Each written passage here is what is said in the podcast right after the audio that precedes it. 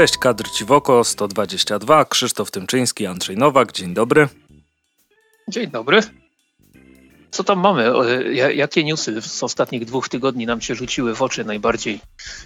Te, do których dotarliśmy i nie pominęliśmy. Z, to od czego byśmy zaczęli? Może od tego, że Kickstarter mm, otworzył się w Polsce dla osób z Polski i nie trzeba już kombinować e, z kontami za granicą i tak dalej, i tak dalej.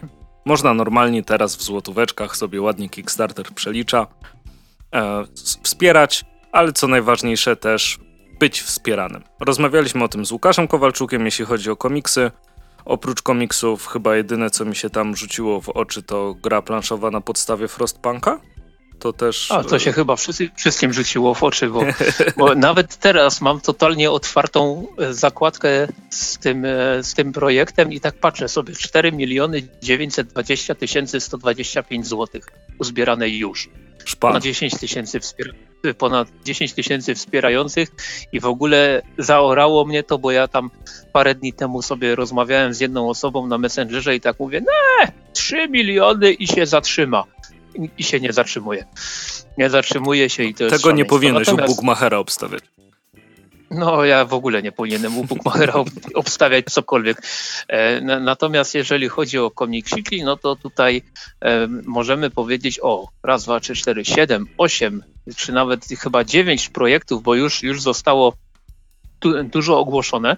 E, zaczniemy od tych projektów, o których, nad którymi piecze sprawują właśnie wspomniany Łukasz Kowalczuk oraz Kasia Kamieniarz ze Słowobrazu, y, bo tutaj mam taką grafikę fajną. 6 y, października, czyli już od paru dni trwa ta zbiórka, y, no, ruszyła zbiórka na cesarzową autorstwa Dominiki Węcławek i Macieja Pałki i zaglądam sobie na internet.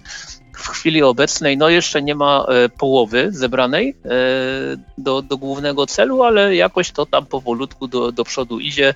W chwili obecnej 7596 zł już jest, a cel to 17250 i nie ukrywam, ja ten projekt wsparłem i to tak na bogato. Bo, bo, bo opcja 90 zł została przeze mnie wybrana. E, znaczy, jak, jak, jak na mnie, na bogato, bo wiadomo, tam są, e, tam są też większe e, progi, że tak to ujmę. Nie wiem, czy to też się progi nazywa na Kickstarterze. No myślę, że możemy ma... założyć, że to się nazywa progi. Bo mamy 115, 140, 200, 250, a nawet i 1000 można przelać. Tam, tam widzę, o kurczę, ty, nawet ktoś przelał. Eh, no to, to, o, to, to szacun. No i ten, i, i tutaj e, no, doglądam, jak, jak ta zbiórka się rozwija. Natomiast e, już za dwa dni, czyli we wtorek kolejny, pojawi się zbiórka na Innsmount Kopa Łukasza Kowalczuka i Zaki. Tak, Czy, na to bardzo czekam. Wreszcie.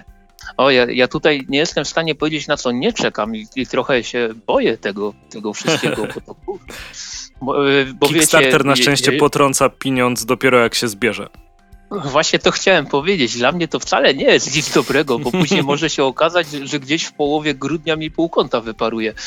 I, I to by było takie, no, zaskakujące. W każdym razie 13 y, październik Innsmount Cop, 20 październik znowu kolejna rzecz, którą, którą jestem bardzo zainteresowany, czyli Wydział 7 Import-Export. O, jaranko. 27 październik opowiedzieć ciszę e, autorstwa Jeskę. E, o, trudne słowo. 3 listopad. Fast Nacht Spiel Marka Turka w wydaniu Super Turbo 5 tomów w jednym tomie i, i dodatki i w ogóle też, też fajnie się to zapowiada. 10 mm, listopad VHS Hellposters. To akurat mam plan lekko pominąć, aczkolwiek pewnie, pewnie dużo, dużo, e, dużo osób się tym zainteresuje.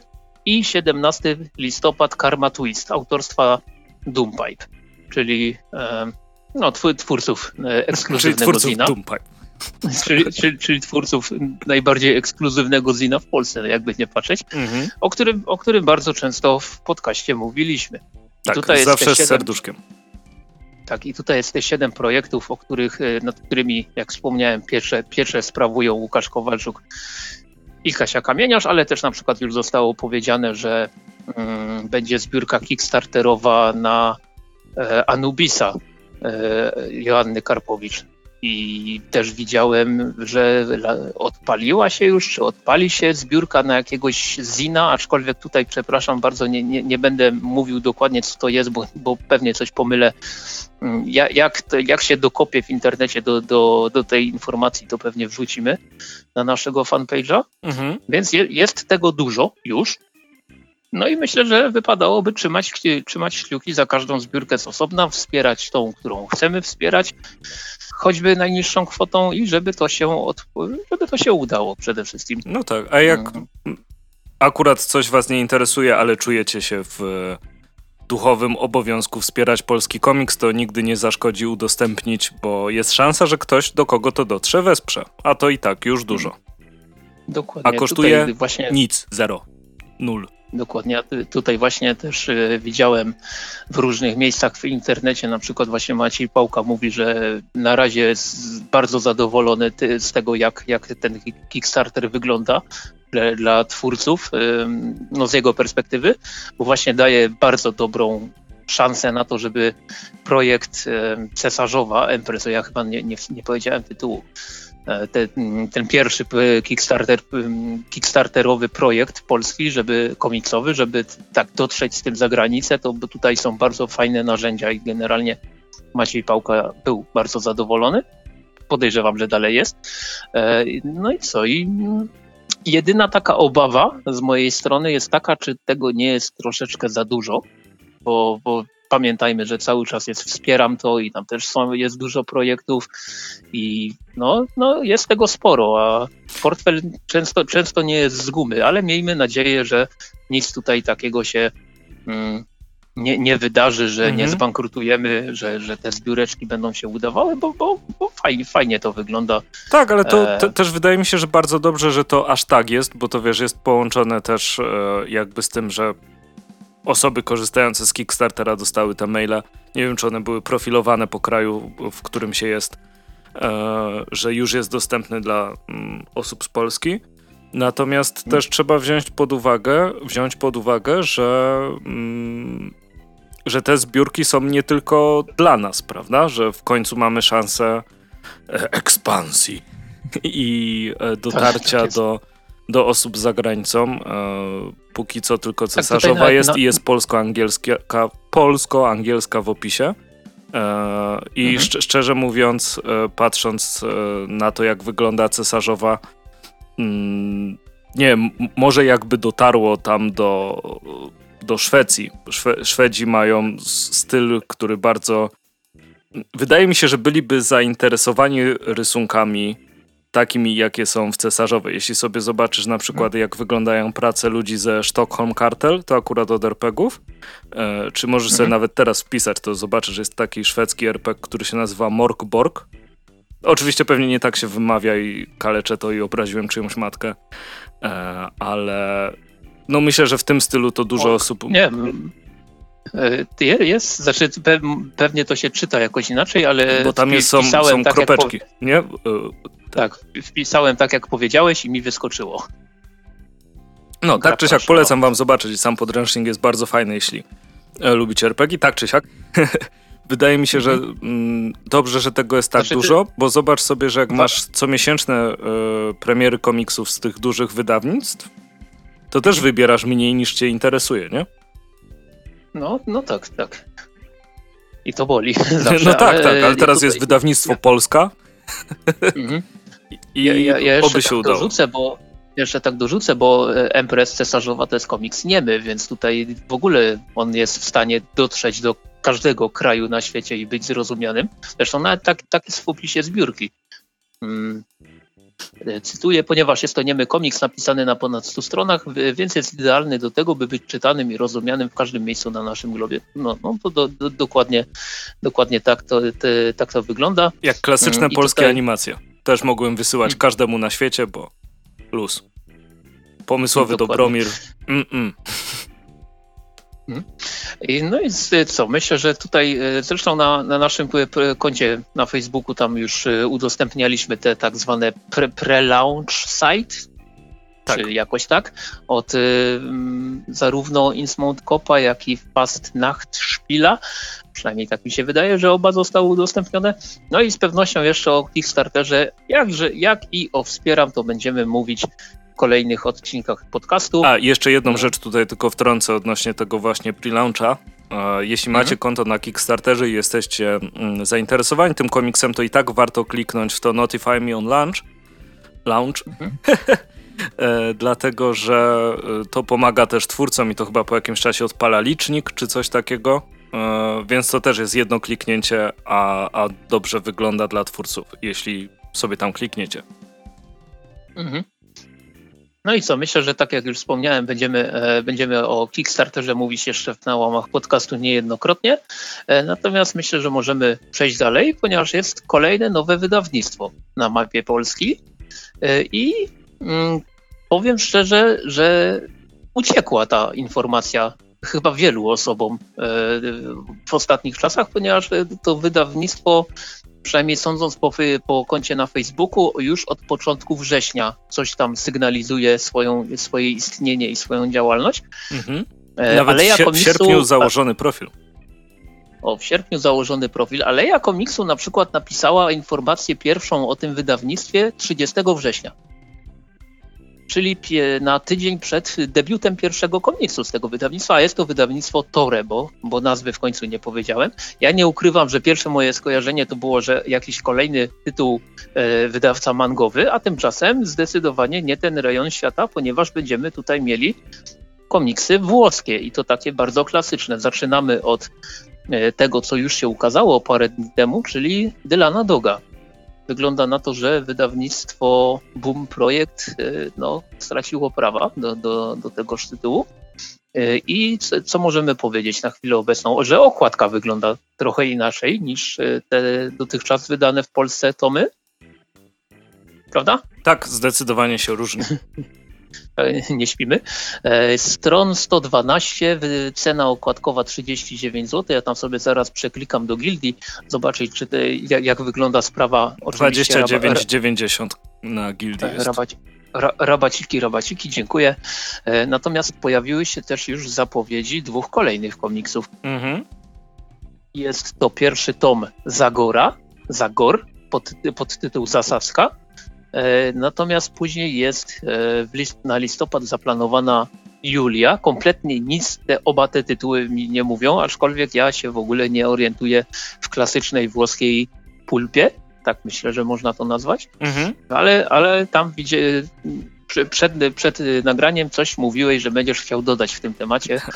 E, to znaczy, jeśli chodzi o samo wydawnictwo, to, to włoskie komiksy to gigantyczne pole do popisu i e, jeśli chcą nam przedstawiać właśnie wydawcy store kolejne te rzeczy, no to naprawdę może nas czekać bardzo, bardzo fajna lektura. Nie ukrywam, bardzo bym się cieszył, gdyby się pojawił w Polsce Diabolik. To, to też taki klasyk włoskiego komiksu. E, jakby się e, pojawiła e, Tira Molla, albo Jezu, jak się nazywało o tym takim wilku niebieskim? Pewnie będzie nazwa e, Lupo Alberto. To też mhm. taki um, kreskówkowy bardzo, znaczy też bardzo. Akurat Diabolik to mało kreskówkowy, e, ale Lupo Alberto też myślę, że mógłby znaleźć swoich odbiorców. To taki trochę, nie wiem, Garfieldowy? Nie, może nie. Nieważne, polecam. Sprawdźcie sobie, jak mhm. wygląda Lupo Alberto. E, może uda nam się czegoś dowiedzieć od wydawnictwa Tore. Zobaczymy.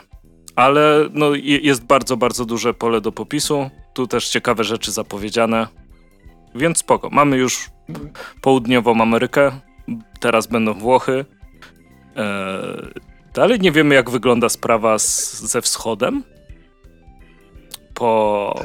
E, a Ukraina? Ukraina i Rosja? Tak, tak. tak. Nie, nie dalekim wschodem, tylko mhm. i nie bliskim wschodem, bo to też nie, nie to określenie. E, Można powiedzieć, że jak najbliższym tak, wschodem. Tak, najbliższym wschodem. Tak, chodzi o to słynne wydawnictwo, które wypuściło sześć tytułów e, rosyjskich oraz ukraińskich i tak, no mieliśmy pewne zastrzeżenia. Tak, mieliśmy. Ale też nie wiem, czy Delikatnie coś się w ogóle mówiąc. pojawiło. Na... No nie, nie pojawiło się chyba, nie? Nic mi nie wiadomo mm -hmm, na ten mhm, temat. Mm -hmm. No, ciekawe, czy to był taki wystrzał.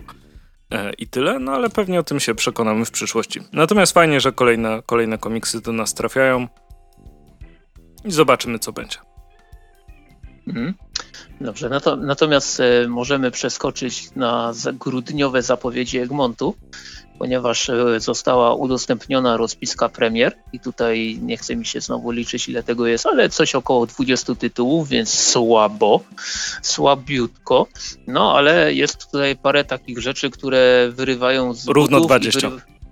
I, i wyrywa z portfela zdecydowanie też. E, myślę, że taką naj, najważniejszą, przynajmniej dla mnie, e, informacją na temat grudniowych zapowiedzi Egmontu. Wiadomo. oprócz tego, że wszystkie komiksy mają się ukazać 2 grudnia, e, to jest e, ten taki pierwszy polski omnibus. Przynajmniej coś w stylu omnibusa, ponieważ pojawi się Animal Man Omnibus, taki podtytuł.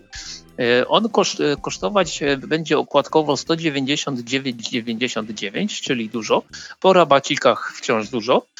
Natomiast y, trzeba podkreślić, że jest to komiks, który będzie miał, tutaj muszę się przeklikać oczywiście, 712 stron. 712 e, stron, więc cholernie dużo.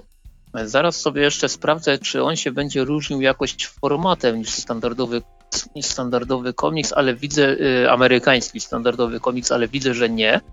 26 cm na 17 Hellblazer ma te same wymiary, więc to nie będzie taki omnibus do końca tak stuprocentowo jeden do jednego przełożony, bo omnibusy mają z reguły większe trochę te formaty. No troszkę. Czy mi, czy mi, czy mi się wydaje? Nie, nie, nie, mają, no, ale... mają.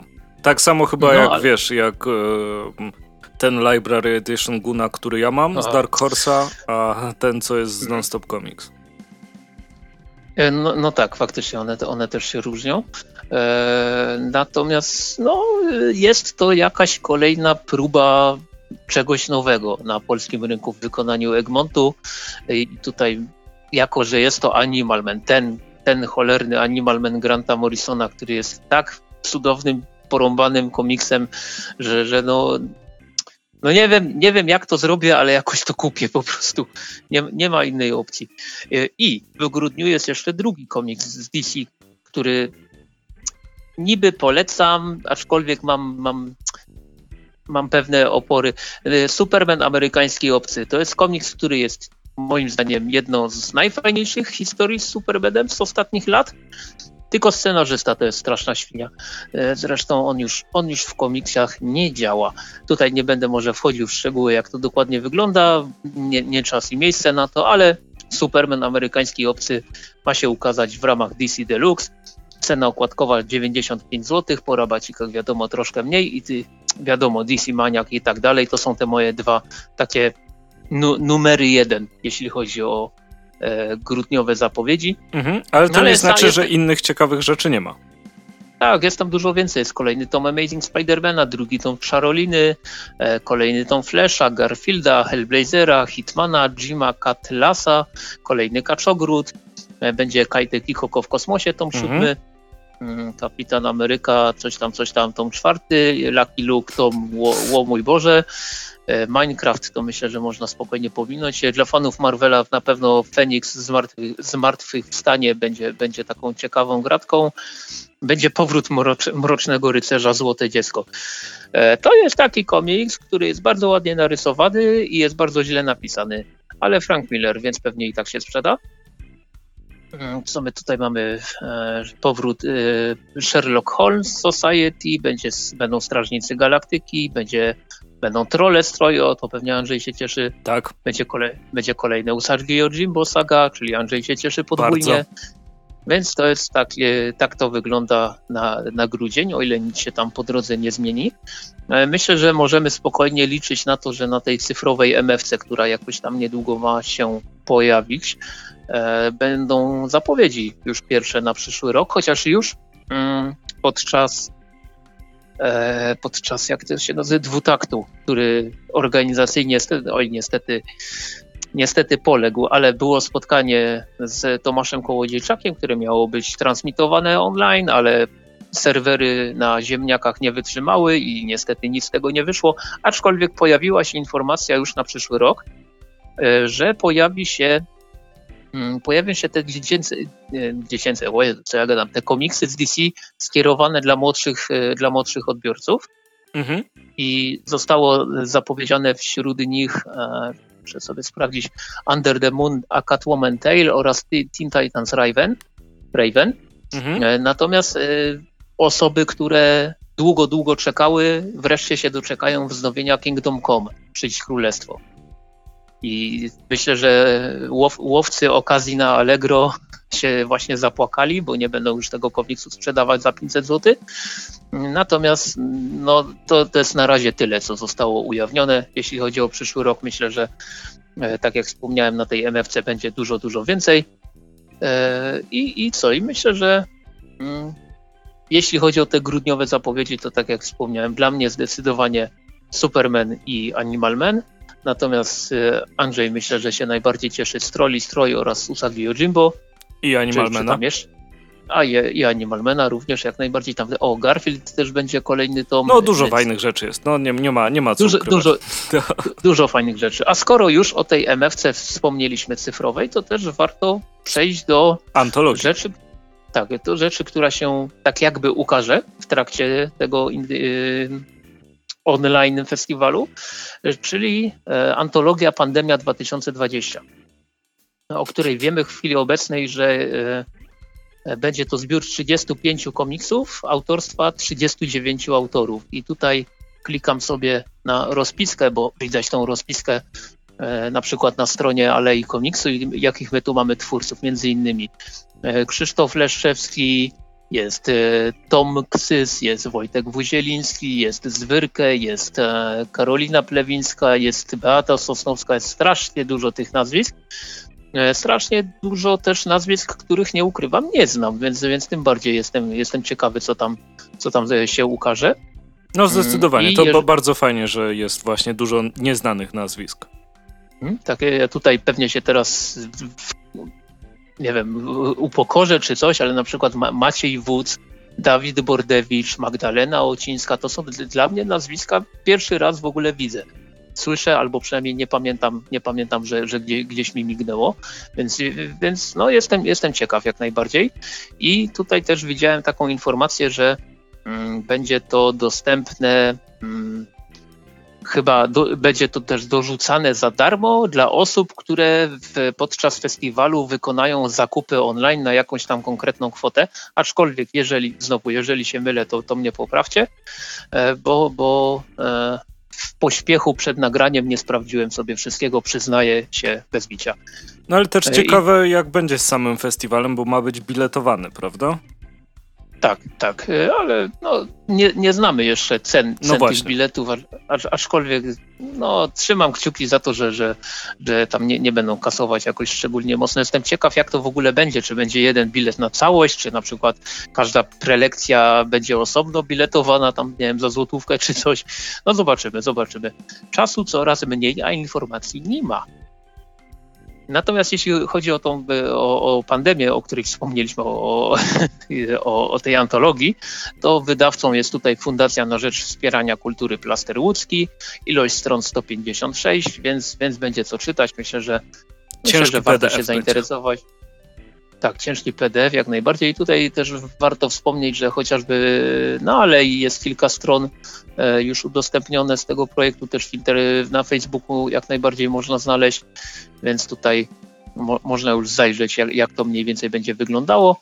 E, I co? I myślę, że być może jeszcze do tego tematu też wrócimy w którymś z kolejnych odcinków, bo jak najbardziej jestem, jestem ciekawy, co z tego wyszło. Mhm. I, I taki kolejny newsip teraz będzie. Nostalgia mocno. Przechodzimy do USA, ponieważ pojawiła się informacja, y, że wydawnictwo IDW y, na 25.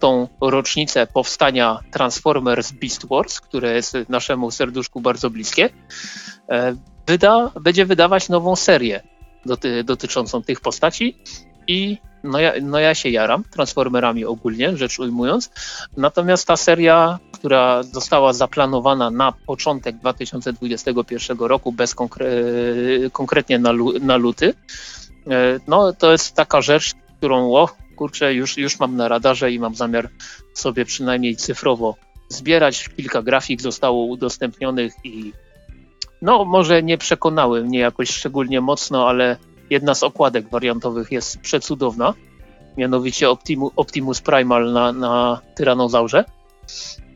I, i no o, o, o Beast Wars wspominaliśmy tutaj nieraz przy, przy, przy różnych okazjach, że bardzo lubiliśmy tą, tą animację, że trochę się zestarzała, ale wciąż fabularnie jest bardzo fajna i myślę, że myślę, że spokojnie obaj się cieszymy z powodu tej, tej premiery. Tak, jak najbardziej, zwłaszcza, że mm, komiksowe Transformery y, trzymają bardzo, bardzo fajny poziom i też jak czytałem wywiad z twórcą i on tam wspominał, że, że wiadomo, że G1 było pierwsze i najważniejsze, ale dla niego to mimo wszystko Beast Wars było, było pierwsze i, i szczerze mówiąc dla mnie chyba trochę też, bo bo jakby... Dla, dla mnie na pewno też.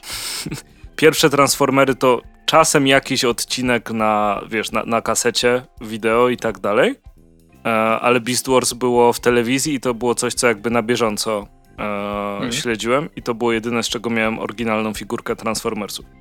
Także A. tak, Beast Wars jest dla mnie bardzo, bardzo ważną częścią tego uniwersum i fajnie, że dostaję e, komiks. I też z pewnością tak. będę chciał się z nim zapoznać. Dla mnie to zdecydowanie jest pierwszy kontakt z Transformerami. Ogólnie dopiero potem miałem okazję właśnie poznać te, te legendarne G1, e, aczkolwiek no, trochę, czasu, trochę czasu upłynęło. No mhm. No i te Beast Wars. W ogóle ja przez długi czas myślałem, że właśnie Transformery to, to się zmieniają w zwierzęta, a nie, nie, nie w pojazdy. I, I, to była dla mnie jedyna obowiązująca prawda, ale później się oczywiście na, nawróciłem. No i, no i co? No i pamiętam jak, jak za dzieciaka właśnie się jarałem tym, że ojejku, jak to fajnie wygląda i w ogóle tego. To była jedna z pierwszych takich animacji w tym no, komputerowo tak. wyko wykonane. Mm, tam pamiętam, że były na, na, Cartoon Network ten Johnny Quest, który miał takie wstawki w CGI. O, intro miał też takie, że tym tunelem to ła, ła, coś tam w ogóle. Pamiętam, pamiętam też taką, ta, taki serial animowany, on chyba też na Polsacie leciał, że e, Reboot? O, w, tak, we wnętrzu komputera, co, co, co, się niby działo i tak, to się chyba Reboot nazywało też. też Na pewno się nazywało Reboot i tam później był ten gość, który miał oko z celownikiem i wszyscy wow, co Dokładnie. za typ. Do, dokładnie, więc Enzo Matrix po... się nazywał ten ziomeczek. O kurczę, to, to ja w ogóle nie pamiętam ani tytułu, ani, do, ani dokładnie jak to tam wyglądało, ale pamiętam, że to były takie właśnie pierwsze seriale animowane, które tak, tak tak mocno korzystały z tej animacji komputerowej. No i dzisiaj to wygląda no, momentami strasznie, ale, ale jednak kurczę, ten sentyment. No nie, nie, mog, nie mogłem nie wpisać informacji o komiksie Beast Wars do, do, do dzisiejszej rozpiski, po prostu nie mogłem tego Nie, no jasne, no ale komputerowe hmm. rzeczy zdecydowanie bardziej się starzeją. Jak teraz próbujesz oglądać Mroczne Widmo i widzisz jak walczą na tapecie z XPK, to mm, no to się bardzo zestarzało zdecydowanie. No, no tak, też e, pierwszy Matrix już nie robi aż takiego wrażenia teraz, ale, ale no, wiele rzeczy pamiętam z dzieciństwa, które wyglądały dla mnie cudownie, te efekty specjalne, o Jezus Maria, a dzisiaj tak, tak sobie człowiek odświeży i hmm, no, się zestarzało właśnie, no. no ważne, żeby na, historia się nie zestarzała, nie? O, otóż to, dlatego pierwsze Gwiezdne Wrota na, na zawsze w serduszku. No, nawet, nawet, jeżeli już nie wygląda tak, jak powinno. E, natomiast przejdźmy też e, do pewnego serialu, e, który ja, no, kiedyś tam w końcu powinien się pojawić na HBO Maxie, ale niedawno pojawiły się pewne informacje na, na temat e, tego serialu. Chodzi oczywiście o Green Lantern, e, który, jak się właśnie dowiedzieliśmy, będzie opowiadał o Gaju Gardnerze, Jessice Cruz, Simonie Bazie, Alanie Scottie i mają się też pojawić takie postacie jak Kilowog czy Sinestro. Więc nie będzie tutaj tych najbardziej popularnych zielonych latarni Hala Jordana, nie będzie Johna Stewarta, nie będzie Kyla Rainera.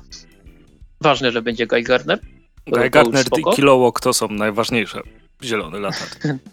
Do, dokładnie nie, nie ma innej opcji. E, no, no, no i to już e, w każdym razie tego się dowiedzieliśmy się, kto będzie e, głównymi bohaterami tego serialu. Dowiedzieliśmy się też, że to akurat nie jest dla mnie jakaś szczególnie fajna informacja, Mark Guggenheim będzie współtwórcą pierwszego epizodu. Pierwszy to jest facet, który znany jest z tego, że pisze dużo, pisze wszystko, a niekoniecznie fajnie. On tam dużo w e, Arrowverse działał, e, kiedyś miał taki epizod w komiksach, on chyba już komiksów nie robi za często, gdzie napisał tak badziewnego Wolverina, że aż, aż głowa, głowa, głowa mała. No ale ten... Um, on będzie współtwórcą pierwszego epizodu. Epizodów w pierwszym sezonie ma być 10, każdy ma trwać po około godzinę. No i gdzieś tam produkcja, jeżeli się uda, jeżeli nic tam nie wybuchnie i, i nie będzie większych e, problemów, to ma, wystar- ma wystartować, momencie, muszę sobie rzucić okiem, w połowie przyszłego roku. Więc tak prędko się tego serialu no nie doczekamy.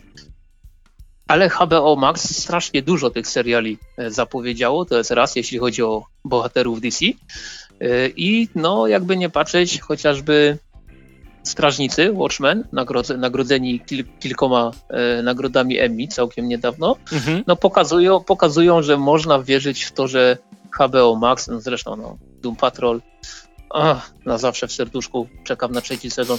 E, no, no te, te produkcje, które już HBO Max tam dołożył swoje, swoją cegiełkę albo zrobił, zrobił totalnie e, na, na, własne, na własne konto, to dają nadzieję wierzyć w to, że, że będzie dobrze. Tak, no i tutaj te... jeszcze oprócz e, Guggenheima, tak? Nie przykręciłem? Mhm.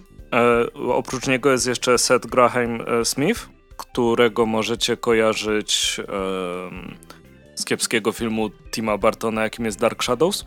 E, ale oprócz tego mhm. był odpowiedzialny za Abraham Lincoln, Łowca Wampirów. I myślę, że jakby to i połączenie z Guyem Gardnerem daje taki mhm większy spokój w głowie niż Abraham Lincoln, łowca wampirów połączony z Halem Jordanem albo z Johnem Stewartem. Bo to po prostu zupełnie inne postaci e, z tego, z tego mogłyby wyniknąć. E, był też scenarzystą przy Lego Batmanie. Więc tak, tak. Jest, więc, jest, jest ok. no z tym, czy mu ufam, to tam jest, jest, jest różnie. Zobaczymy, co wyjdzie. E, no na pewno skupienie się na ziemi daje zupełnie inne możliwości budżetowe, nie? Mhm. Gdyby trzeba było robić scenografię nie. pod wszystkie kosmiczne rzeczy, to byłby problem. Natomiast tak to wystarczy pewnie zrobić pod OA i, i Ziemię, nie? Mhm. No, OA całkiem fajnie wyglądała w tym filmie z 2011 bodajże, to tam mogą skorzystać bez problemu. Tak, nie, to to prawda. Tam OA fajnie wyglądało. Ciekawe, jak kostiumy będą wyglądać, no ale to wątpię, żeby były robione już w CGI. Chyba dali sobie spokój na zawsze z tym. Tak, tak, wątpię. E, aczkolwiek myślę, że nie, nie będzie to coś w stylu właśnie kostiumów z Arrowverse, czyli wrzućmy na siebie skórzaną kurtkę i le, lećmy w kosmos. Myślę, że można tutaj spokojnie wierzyć w to, że będzie, że będzie całkiem nie, nieźle. No, aczkolwiek z drugiej strony też trzeba powiedzieć, że mm, no na przykład stroje Watchmen, strażnicy w serialu, no, no wyglądały prosto, ale bardzo fajnie. No ten, jejku, jak się nazywał, Looking Glass, po prostu nakładał folię na ryj, a jak to fajnie wyglądało, nie? No nie, nie, to, to zdecydowanie było super. No zobaczymy, kto będzie też kostiumografem przy tym serialu. Bo od mam tego nadzieję, będzie... że nie ludzie, mam nadzieję, że nie ludzie z Wiedźmina, którzy zostali zwolnieni i szukają pracy, e, bo wtedy dostaniemy słabe stroje raczej. No ale eee, tak, myślę. No. Znaczy, wiesz, wiesz ja, ja byłem jedną z tych osób, które przy Wiedźminie się dość mocno śmiały ze zbroi Nilfgardu. E, tych niesławnych zbroi Nilfgardu, aczkolwiek reszta no, nie była tak najgorsza, ale to było decydujące. Mm, ale, ale nieważne, wróćmy sobie do e, zielonych latarni. Myślę, że zaskakujące, przynajmniej dla mnie zaskakujące jest to, że wrzucili tutaj Alana Scotta, który mm, no jest taką inną zieloną latarnią, jakby nie patrzeć. On nie ma tego originu takiego właśnie związanego z OA. I no nie, z torami bardziej... pociągowymi ma i drewnem tak, można on... go pokonać. Do, do, dokładnie i on jest oparty, jego moce są oparte na magii, więc ogólnie, ogólnie jestem ciekaw, czy w serialu pójdą tym tropem, czy po prostu Alan Scott będzie robił na przykład za takiego bardziej rozsądnego Hala Jordana. Znaczy, wiesz, jak patrzysz na tą taką różną strukturę scenariuszy i bardzo często masz nie wiem, starego mentora, prawda? Czy to byłby mhm. Obi-Wan, czy Dumbledore, czy, czy, co, czy ktokolwiek, e, no to stara zielona latarnia, która w moich czasach robiło się to inaczej, e, jest też szansa, że taką rolę będzie pełnił, nie? Bardzo mhm. klisze jest taka rola, ale też się sprawdza, więc nie ma się co oszukiwać, że to jest e, och, ach, tylko to będzie rozrywkowy serial, nie? Patrząc na producentów, jacy są e, i na to, że jest tam Guy Gardner, a nie ktokolwiek inny, no mhm. nie, nie można zrobić czegoś e, bez humoru z Guyem Gardnerem. Takie przynajmniej mam wrażenie. No mam nadzieję, że się nie mylisz, bo po, poważny Guy Gardner to, to by była straszna krzywda. Tak, to byłby postaci. Warrior i to nie byłoby dobre. Nie, Warrior też nie był poważny, oj nie, to nie było. To no, nie no, ale w, wiesz o co chodzi, że, że, że to jest takie podejście. Nie, nie, nie, to nie powinien być teraz zieloną latarnią, tylko dziwnym typem. Tak, bardzo dziwnym typem. No, bardzo fajnie to, to ująłeś w tym momencie. E, no, więc tak. Mm, ja nie ukrywam, że z mojej strony jaranko, praktycznie każdym serialem, który zapowiedziało HBO Max związanym z DC. Może tylko ta, e, ta taka komedyjka o, jak to się tam ma nazywać, e, Gotham High School, czy jakoś tak, to, to, to, mnie, to mnie raczej nie interesuje, ale no, te zielone latarnie Jaranko, jestem ciekaw jakim DMZ wyjdzie, jestem ciekaw e, tego Strange Adventures, które ma no, być no, no. o Adamie, więc tutaj kurczę, no je, je, jest potencjał i i no, oczywiście bardzo mocno trzymam kciuki za trzeci sezon Doom Patrol, bo, bo mhm. w ogóle. Bo, Nie, bo, ogóle bo bardzo, bardzo fajny jest ta, ta oferta. I, mhm. i na, nawet mnie bardziej interesuje niż ostatnie zapowiedzi Netflixa. E, nie mówiąc już o zapowiedziach Amazona, które. Mm, no, nie, nie wiem nawet czy są. Ostatnio się pojawiła informacja, że w tym serialu z Władcy Pierścieni, który Amazon będzie robił, że producenci mhm. zakładają, że pojawią się sceny y, na gości i seksu. Nie, to już, to już nie będzie to samo. E, no, znaczy, ja powiem tak, że jeśli chodzi o Amazon, to na pewno widziałem, znaczy na pewno widziałem to, to, to, nie, podlega, to nie podlega wątpliwościom, ale na pewno jaram się kolejnym sezonem The, The Expanse. Niedawno mhm. pojawił się zwiastun piątego sezonu i, i, i Jaranko. E, no, czekam na pewno na trzeci sezon The Boys e, i podpi podpiszę, podciągnę to też pod Amazon, bo w, w Polsce to na Amazonie. Czyli Picarda? Można, e, tak, Picarda, Star Trek Discovery, e, które, które lubię, więc, więc ten Amazon w sumie ma ma jakąś tam ofertę. No co, co, coś ma, e, dobra. No. Która, która, mnie, która mnie ciekawi. Jeśli chodzi o produkcje około komiksowe, no z Netflixa na pewno czekam na, na, na kolejne Umbrella Academy. Mhm. I, mam, I mam nadzieję, że Netflix świnie tego nie skasują, tak jak kilku, kilku fajnych produkcji. O to skasowanie Glow to naprawdę byłem niezadowolony. No, Glow, czy też ta animacja taka, co, co też po pierwszym sezonie została skasowana, jejku też oczywiście uciekł mi tytuł teraz w tym momencie. Tukaj ale to się do... Birdie, czy nie? Bo to też to zostało dość... skasowane, nie? O tych takich dwóch samicach zwierząt. No, e, w, każdy, w każdym razie na pewno czekam na, e, tak jak wspomniałem, ten trzeci sezon Umbrella Academy. Jestem, troszeczkę ciekaw, co zrobią z e, Jupiter's Legacy Millara, bo z reguły adaptacje komiksów Millara są lepsze niż komiksy Millara. Więc tutaj jestem, jestem ciekaw, jak to będzie wyglądało. Więc no, każda platforma streamingowa, o ten e, Sandman przecież na Netflixie też się pojawi tutaj. A, no dobra, no, no, no. I tu, tutaj też trzymam kciuki za to, żeby to był Sandman, a, a nie powiedzmy Lucyfer kolejny. Więc, więc no, każda platforma streamingowa ma coś, na co, na co kurczę czekam, takiego około komiksowego. Więc no, no jaranko. E, natomiast e, jako, że są to seriale, to ja tutaj nie będę dużo mówił na przykład o drugim sezonie The Boys, bo za, zakładam, że, że jeszcze nie widziałeś. Nie, jeszcze nie. A, wiedziałem. No ale jesteś zajęty Star Trekiem, z tego co wiem, więc, więc masz, masz co, co nadrabiać, prawda? Mhm. E, mm, natomiast jeśli chodzi już tak kończąc temat tych, tych serialowych zielonych latarni, no to trzymam kciuki Jaranko. Jestem ciekaw, czy to będzie osadzone w momencie, w którym Sinestro jest jeszcze zielony, czy już bardziej będzie zły, czy, czy, czy, czy jak to będzie wyglądało. Jestem ciekaw, jak tego Alana Scotta przedstawią. Jestem ciekaw oczywiście też e, Jessica Cruz, bo w sumie bardzo lubię tą postać. Mogliby wrzucić jeszcze tą, tą, tą, tą zieloną latarnię z Far Sector, chociażby tak, tak takie cameo zrobić czy coś. No tutaj jest potencjał, bo, bo zielone latarnie komiksowe to jest ogromny świat, z którego można czerpać.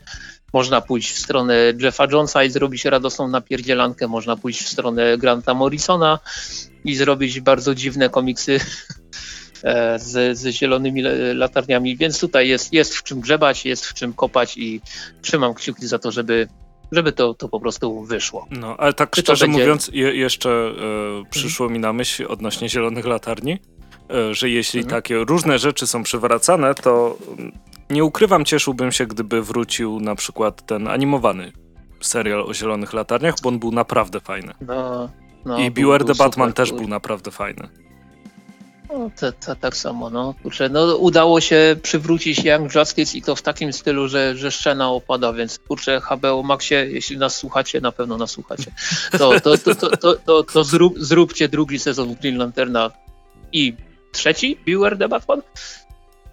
Czy nie, to też nie na odwrót? No, dobra, niewa nieważne. E... Nie, nie, Green Lantern na pewno miał jeden sezon. E... Dobra, y, róbcie kolejne sezony tych produkcji, bo kurczę, bo kurczę warto i, i, czekamy. Co najmniej dwie osoby w Polsce na to czekają, więc, więc to już jest potencjał, z którego trzeba korzystać. Natomiast myślę, że przejdźmy do komiksików. A rzeczywiście Beware the Batman miał jeden, 26 odcinków. 26 A, fajnych okay, odcinków. Mhm. No to co? No to myślę, że przejdziemy do komiksików wreszcie i tutaj e, Andrzej rozpocznie. Tak, rozpocznę. A co? Rozpoczynaj, a co? Rozpocznę z bardzo grubej rury i bardzo ciężkim komiksem. Nie, nie mówię o jego wadze, tylko o jego mm, zawartości. Jest to Angola Younga od Timofa, wydana jakiś czas temu. E, komiks w całości autorstwa Marcello Di Salet. Prawdopodobnie, tak, przepraszam. Tu się nie przygotowałem mhm. z tego. E, I opowiada o mm, oporze osób czarnoskórych w Ameryce Południowej po tym, jak no, byli tam masowo e, zwożeni jako niewolnicy. Mm, wstęp wyjaśnia, wyjaśnia wszystko, co, co, o co moglibyście spytać tak naprawdę. Bardzo mi się też podoba e, super profesjonalne podejście autora, bo e, tutaj jeszcze mamy w Polsce jest dodatkowa redakcja e, całego mm, jakby komiksu, żeby tam zawartość się zgadzała merytorycznie, historycznie. Wprowadzenie, którego nie możecie pominąć, bo bardzo dużo tłumaczy, a na końcu komiksu jest bardzo, bardzo dużo e, opisu i historycznego, i jest kalendarium, jest też glosariusz, który e, wyjaśnia słowa, których używają mm, postacie tutaj. Natomiast e, Angola Yanga, czyli ta Młoda Angola, Mała Angola e, to było miejsce, gdzie czarni niewolnicy uciekali i tworzyli swoje własne mm, osady, w których żyli, uprawiali e, rolę, no po prostu funkcjonowało ich społeczeństwo, no i toczyli regularne e, wojny tam i z, to byli chyba Brazylia, czyli Portugalczycy, nie? E, mhm. Z Portugalczykami, e, no i ogólnie cała ta historia e, była dla mnie czymś, znaczy czymś nowym, Czy, czymś, e, o czym, wcze, czym wcześniej się nie interesowałem. Mm, jakby moja wiedza o niewolnictwie w Ameryce Południowej w przypadku e, czarnych ograniczała się chyba głównie do kapuery i powstania jej w tamtych czasach. natomiast to bardzo, bardzo dużo rozświetla strasznych rzeczy bardzo dobrze jest napisane, narysowane. Mm, dobrze się też śledzi te postaci. E, jest też w pewien sposób makabryczny, e, ale ciekawy sposób rozpoznawania postaci. Ponieważ część tych postaci jest do siebie podobna i w pewnym momencie, jeśli na przykład są w dalszym planie, mm, rozpoznajesz je po tym, po bliznach, na przykład odbicza, które mają na plecach. Bo często się pojawia i po prostu wchodzi ci to w głowę graficznie. Że wiesz, że to mhm. jest konkretnie ta postać, nawet jeśli stoi tyłem, a jest, ma podobne e, włosy do drugiej postaci.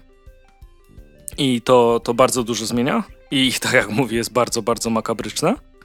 Mm, jest trochę retrospekcji tutaj, natomiast cała narracja jest świetnie zrobiona, więc ani razu nie można się zgubić. I duże, duże wrażenie daje ten komiks i daje też możliwość y, poznania tego tematu, który wydaje mi się, że dla osób e, niezainteresowanych tym jest czymś nowym. Bo nie wiem, czy aż tak dużo na historii na przykład uczy się o niewolnictwie w południowej Ameryce. Raczej chyba w północnej, nie? Mhm. O ile w ogóle. Nie wiem, jak wyglądają teraz podręczniki do historii. No ja pamiętam jak wyglądała nauka zarówno w podstawówce, gimnazjum, jak i liceum i e, jakoś nie, nigdy nie, nie, nie, nie doszliśmy nawet do czasów współczesnych z materiałem, więc co dopiero, co dopiero niewolnictwo w USA, ale może coś się zmieniło. Może, no dużo zależy od nauczyciela, nie? Ja akurat w liceum historię mhm. miałem super. To, to było, tak. Ale wracając do mhm. samego komiksu Angola Younga, E, ciężka rzecz do przeczytania, mm, ponieważ no, angażuje was bardzo emocjonalnie w trakcie lektury. Natomiast e, jeśli interesujecie się właśnie literaturą, literaturą czy komiksem e, faktu, mm, to po Angole Younga na pewno warto sięgnąć. Mm, I ja tutaj oczywiście dorzucę 432 strony. Tak, więc, taka cegiełka. No, jest, jest to, jest to kawałek e, komiksu, oprawa twarda, druk czarno-biały, kilka stron przykładowych znajdziecie na, na przykład na stronie gildii, sklep, sklepu gildii. Format, kurczę, albo mi się coś myli, albo jest taki dość zbliżony do e, komiksu północnoamerykańskiego. Bo tu, tutaj tak mamy napisane 23 na 16, to chyba jest troszeczkę mniejszy nawet, e, ale to, to jest nieważne akurat. Cena okładkowa 69 zł. Tak. Po rabacikach na gildii można na przykład łapnąć za 48, 30 i e, co? Polecamy, tak? Tak, jeśli chcesz znać super profesjonalne wymiary, to jest o pół kciuka wyższy od Usagiego. Okej, okay, pół kciuka, to mi dużo mówi, więc, e, więc polecamy. E, natomiast ja przejdę do komiksu, e, o którym, o których poprzednie, o poprzednich odsłonach tej serii mówiłem dużo i, i dobrze na temat y, na łamach podcastu, natomiast tym razem wreszcie będzie takie ale. Chodzi mi o BPPO Piekło na Ziemi, tom czwarty.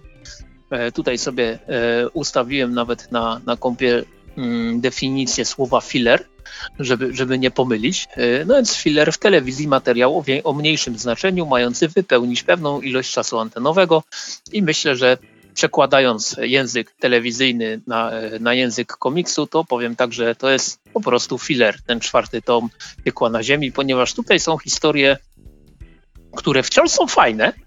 Nie ukrywam, że, że są fajne. Na przykład e, wprowadzona zostaje e, nowa postać. Przepraszam, kasznę sobie jest wprowadzona pewna nowa postać, która jest takim e, trochę medium, dzięki rytuałom zyskuje moc przechodzenia do świata duchów i demonów.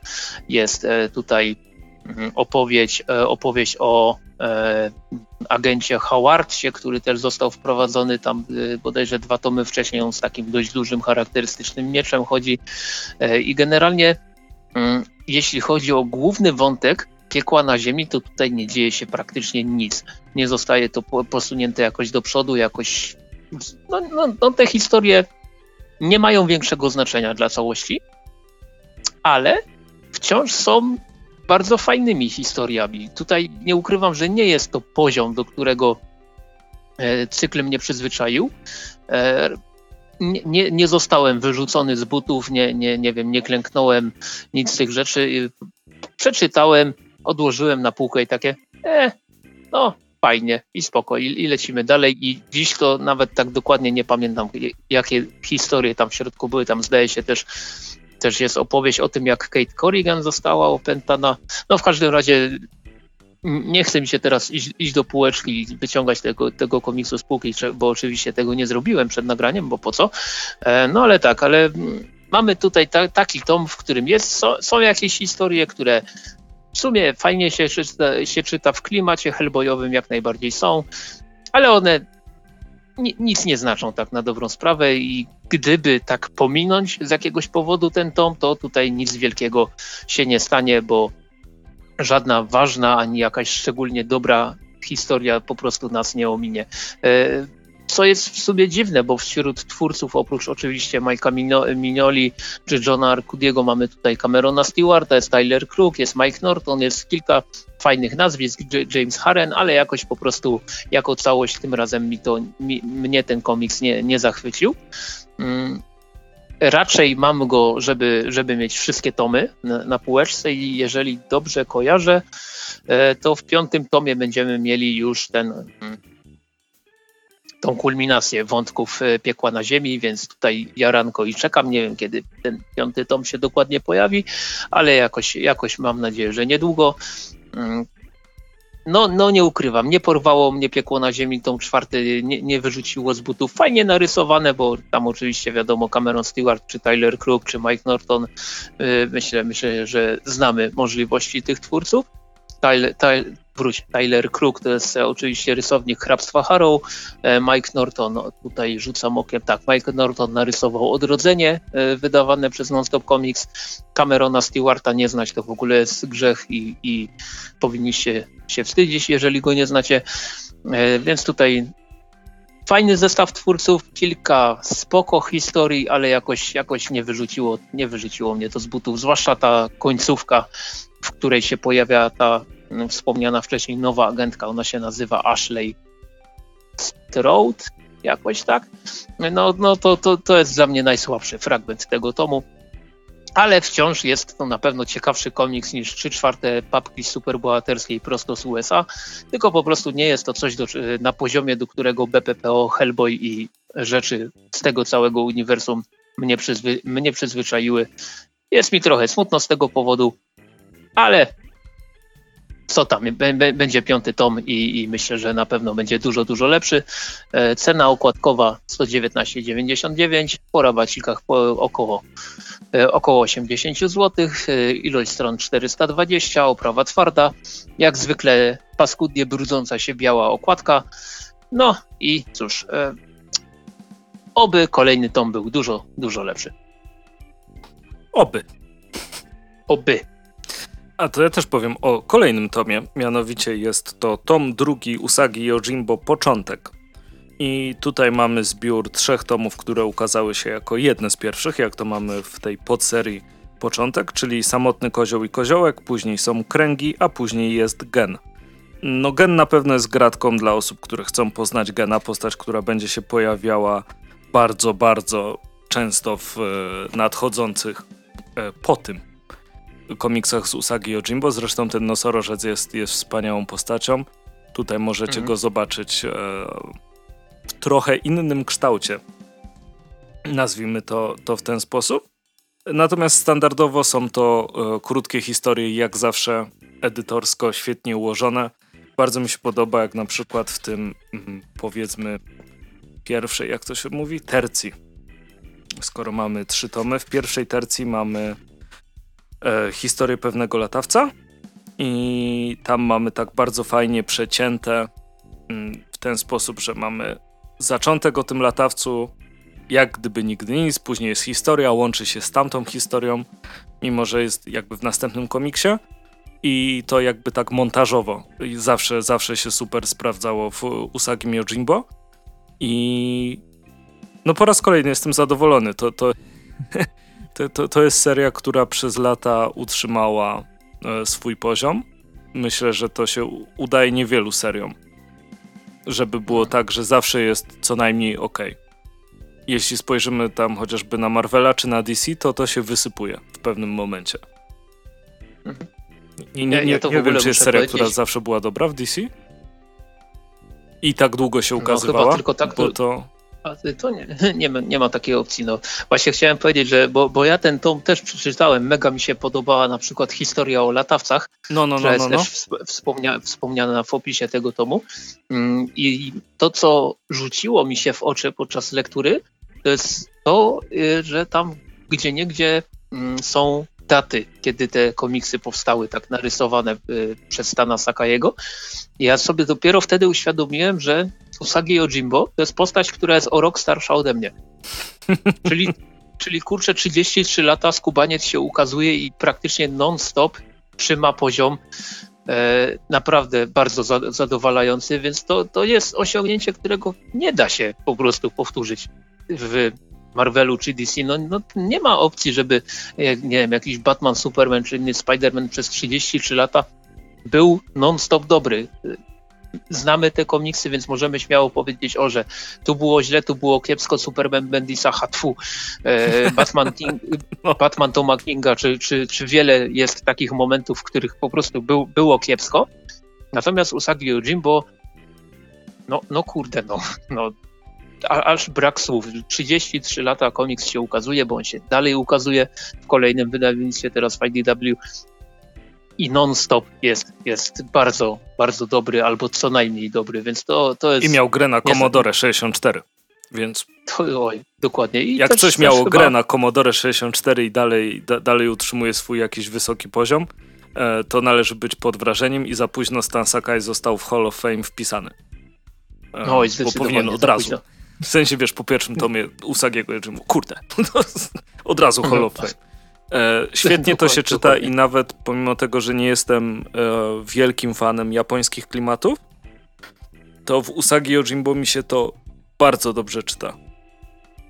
I, i hmm? uwielbiam tą serię, czekam z niecierpliwością na, na, na każdy następny tom, który się ukazuje w Polsce. E, bardzo się cieszę też z takich kolekcjonerskich głupot, jak to, że początek jest dostosowany do wydań z Dark Horse'a. To milutko. Zdecydowanie. Nie, początek? Grzbiet, grzbiet. E, w sensie początek chodzi mi jako seria. A, e, dobra, dobra, nie, nie skumałem faktycznie. I też jest bardzo fajne to, że na końcu e, zarówno pierwszego, jak i drugiego tomu początku jest ten taki timeline, jak to w zasadzie czytać. Mhm. I, to, I to też jest ba, ba, bardzo fajne, co prawda to, to nie jest trudne, to, to nie jest, to nie jest jakaś wyższa matematyka, ale zawsze, zawsze cieszy. E, co, co, bo mamy tam taką rozpiskę, e, co, co było w pierwszych tomach, e, znaczy w pierwszych polskich wydaniach, co, co jest, jak to jest ujęte w sadze, co zostanie jeszcze wydane, więc kurczę, bardzo fajna rzecz, bardzo, bardzo, bardzo doceniam. No i też mega mi się podoba to, że jakby nie patrzeć, to jest komiks, który ma po 500 stron, a on jest tani, bardzo tani. No oczywiście wiadomo, gdyby był w kolorze, to by kosztował mil, miliony więcej, ale kurczę, 62 zł na Gildii, z tego co widzę, 63 zł nawet, za tak ogromną ilość fajnej lektury i to już w ilości 6 tomów łącznie, no to kurczę, no aż, aż głupio nie polecić, prawda? No tak, tak, no przypał nawet bym powiedział. No, e, dokładnie. Nie, I, I gańba.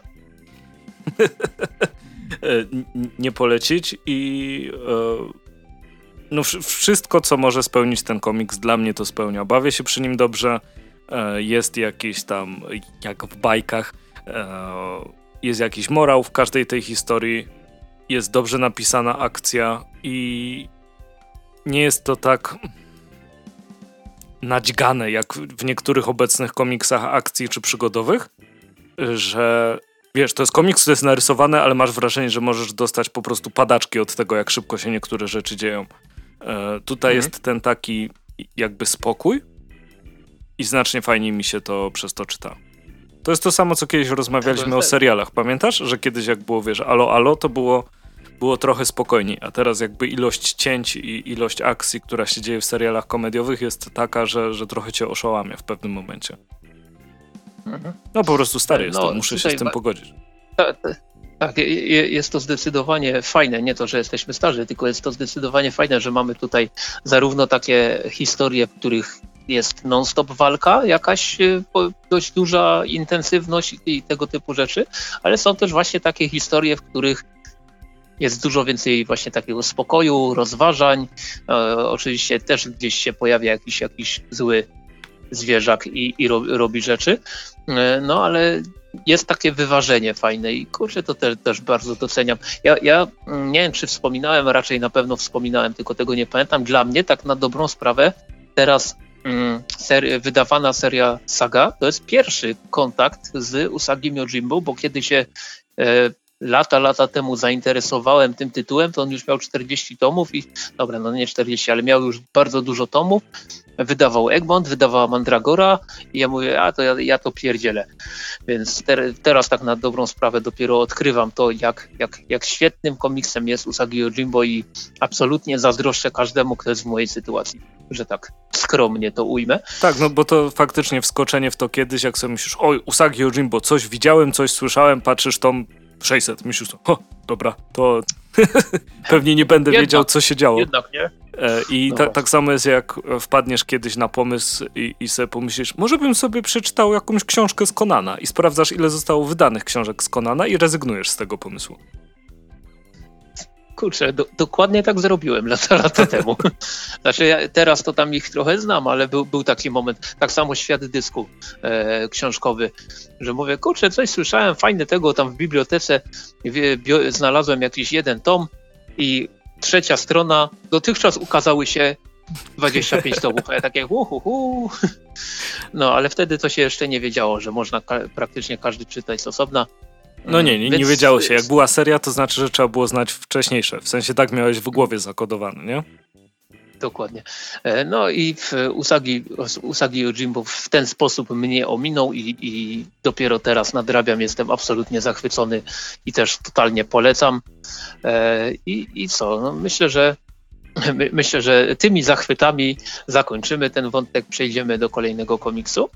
I jest to, to komiks, który ukazał się w ramach komiks dnia, wydawnictwo niezależne, jak, jakby to napisali na niektórych stronach. E, chodzi mi o laleczki Macieja Pałki, wydanie trzecie, które nie, całkiem niedawno wpadło mi w ręce. E, jest to. Mm, tak jak kiedy, prze, przeczytałem zapowiedź tego komiksu, e, tam, tam padło, takie, mm, padło takie zdanie, tutaj e, trochę je, trochę je zmiękczę, żeby, żeby nie przekląć oczywiście, że jest to najbardziej e, undergroundowy post, komiks postapokaliptyczny, jaki można sobie w ogóle, w ogóle wymyślić. I nie ukrywam, że troszkę się obawiałem tego, jak bardzo undergroundowy ten komiks może być, a tymczasem pozytywne zaskoczenie, tak w cudzysłowie mówiąc, ponieważ nie, nie jest to historia e, mega trudna, jest bardzo wciągająca, jest bardzo ciekawie napisana. Tak praktycznie z miejsca wskoczyło mi to na e, drugą pozycję, jeśli chodzi o polskie postapo. E, sorry Daniel, spadłeś na trzecie miejsce z postapo, bo wiadomo, Ósma Czara to jest, to jest komiks, którego chyba się nie da pobić, jeżeli chodzi o te, tego typu klimaty. No a laleczki mi tak wskoczyły na miejsce numer dwa w chwili obecnej i jestem bardzo za zadowolony z tego, że wsparłem ten komiks, ponieważ on nie został wydawany oficjalnie, tylko tam trzeba było przelać e, odpowiednią kwotę twórcy Maciejowi Pałce.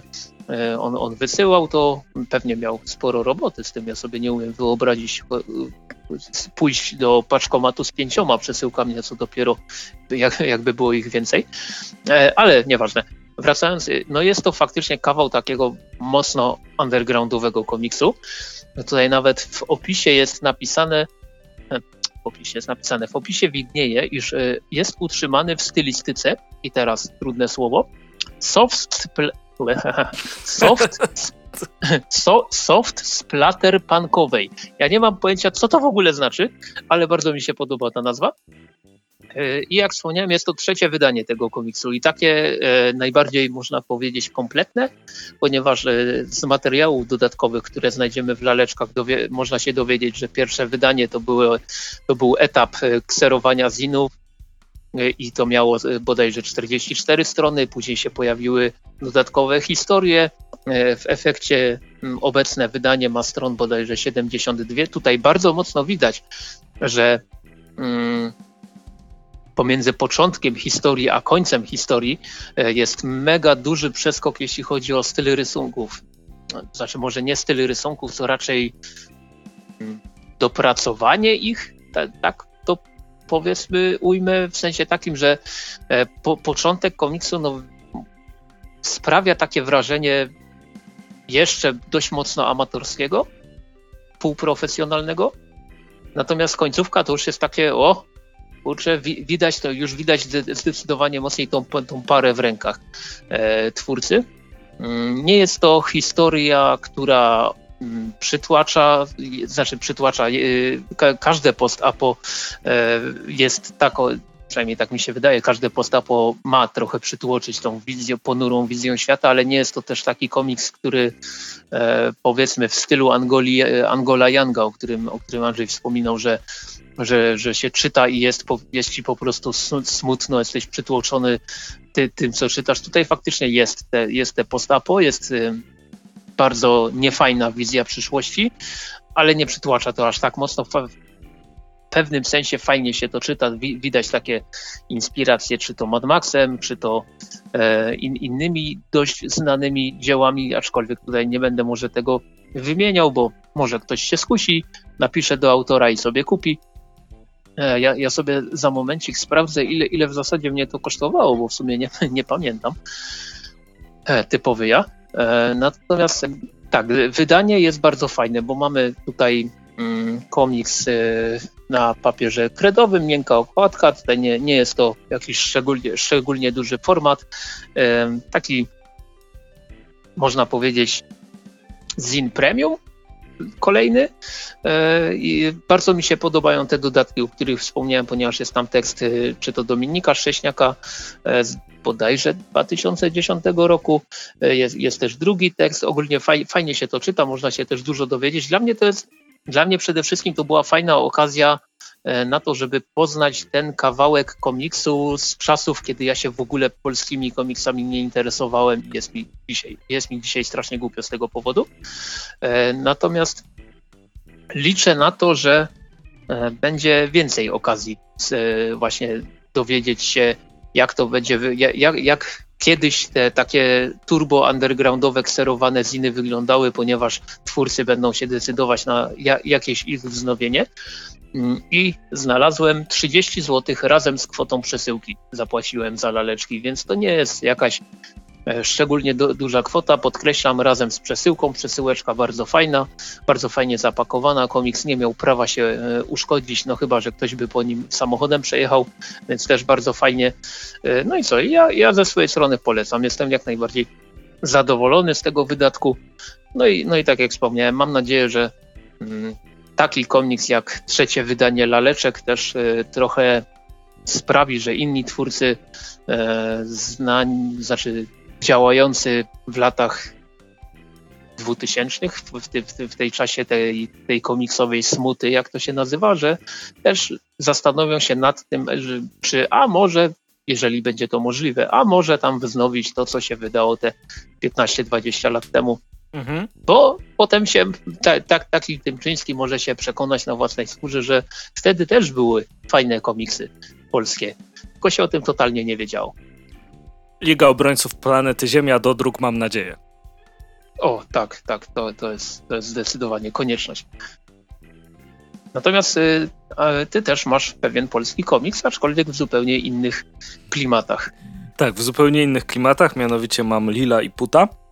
I tutaj sobie chciałem powiedzieć właściwie o całej serii, bo jakoś ominęła nasz, nasz podcast. Póki mhm. co jest to tom numero 5 Nazywa się Parada Przypałów. E, wcześniej było mm, Jak przelać kota do kieliszka chodu, Czarująca panna młoda i e, Zawodowi bumelanci. To były poprzednie tomy z serii Lili i Put.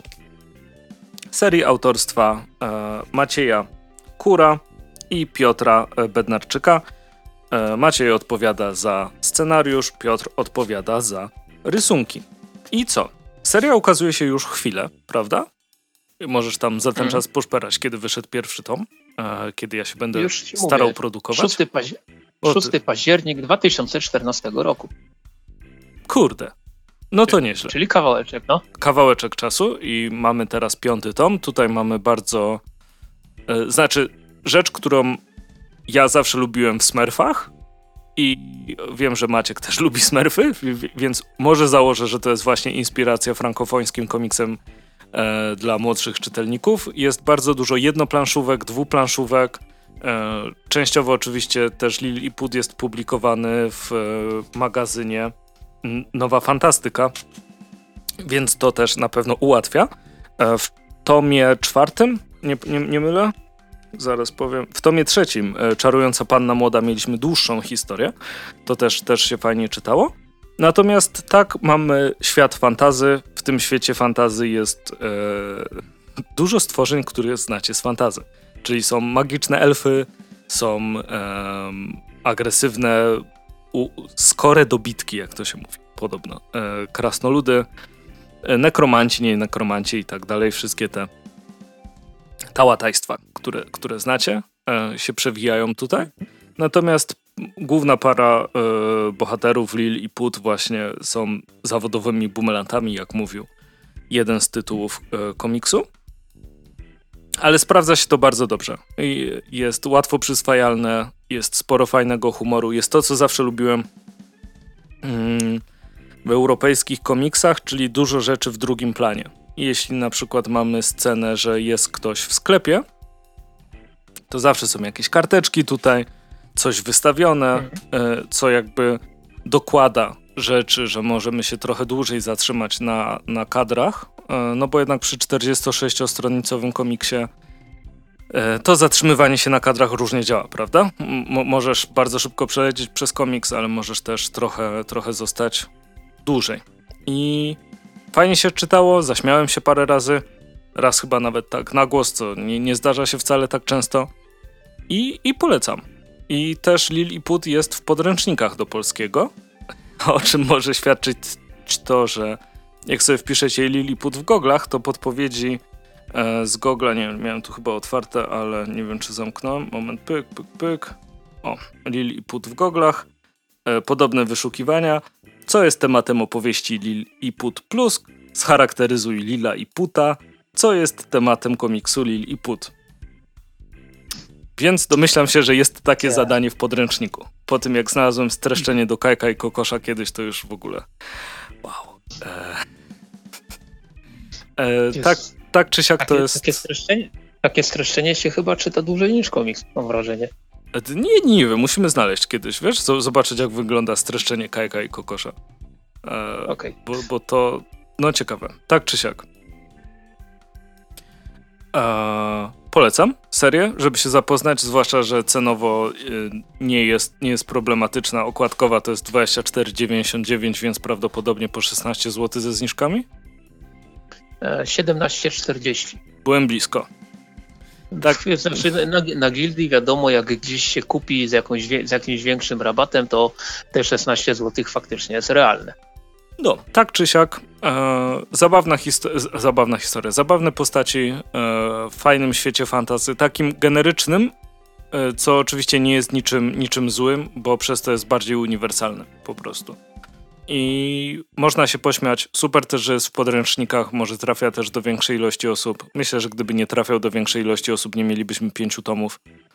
Mm, Część osób też pewnie go zna z nowej fantastyki, nie? Bo mimo wszystko to ta gazetka dalej się. Gazetka. Oh, oh, oh. Ta gazeta dalej. No, wciąż, wciąż ją ktoś kupuje, o, o dziwo. Tak. Znaczy, ja na przykład kupuję. Ja na przykład kupuję. I jeszcze i... jej nie zamknęli, co jest w ogóle osiągnięciem tak, przy tym, jak tak. Krzysiek coś kupuje w kiosku i tego nie, nie niszczy przez to. dokładnie to, to, to właśnie chciałem powiedzieć, że to jest jedy, jeden, jedna, jedyna gazeta, którą, to znaczy gazeta, magazyn, który kupuję na bieżąco jeszcze nie zdech, więc ach, osiągnięcie jest. No. Mm, wracając. Wracając, ja polecam, no czekam na następne tomy. E, sprawdzało się zarówno w dłuższej historii, jak w trzecim tomie, jak i właśnie w takich e, klasycznych, pojedynczych historykach. Więc to, można się przy tym dobrze bawić, nie kosztuje dużo, nawet jakbyście mieli później dać komuś w prezencie to, to warto moim zdaniem. Okej. Okay. E, no więc co, myślę, że, znaczy my, myślę, na dzień dzisiejszy, na odcinek dzisiejszy to będzie wszystko z naszej strony. Ja tylko tak myślę, że dopowiem w ramach takiego spoilera na za dwa tygodnie, że o ile nic się nie stanie takiego i mm, przede wszystkim e, pamiętajmy o tym, że od, od soboty, od 10 października cała Polska jest strefą żółtą, jeśli chodzi o koronawirus, e, ale póki co Poznański Festiwal Sztuki Komiksowej się jeszcze nie odwołał po raz kolejny. Więc myślę, że możemy powiedzieć, iż jeżeli dalej tak będzie i się nie odwoła, to za dwa tygodnie będzie taki odcinek dość nietypowy. Więc e, miejmy nadzieję, że, że, że uda się e, jakoś zapanować nad tym szaleństwem i e, te, te liczby, które widzę każdego dnia e, w każdych możliwych mediach, e, po, pójdą mocno w dół. Natomiast e, jeśli chodzi o nasz podcast, to za dwa tygodnie albo będzie odcinek taki bardzo nietypowy, dość mocno związany z Poznaniem, ale nie tylko. Jeżeli, jeżeli impreza zostanie odwołana, to wymyślimy coś innego. W każdym razie e, za dwa tygodnie się słyszymy. Za kolejny 120 już drugi odcinek. Dziękujemy, że byliście z nami. Jak zwykle czytamy komentarze, e, więc dajcie znać, co tam, co tam znowu namieszałem e, ty, tym razem.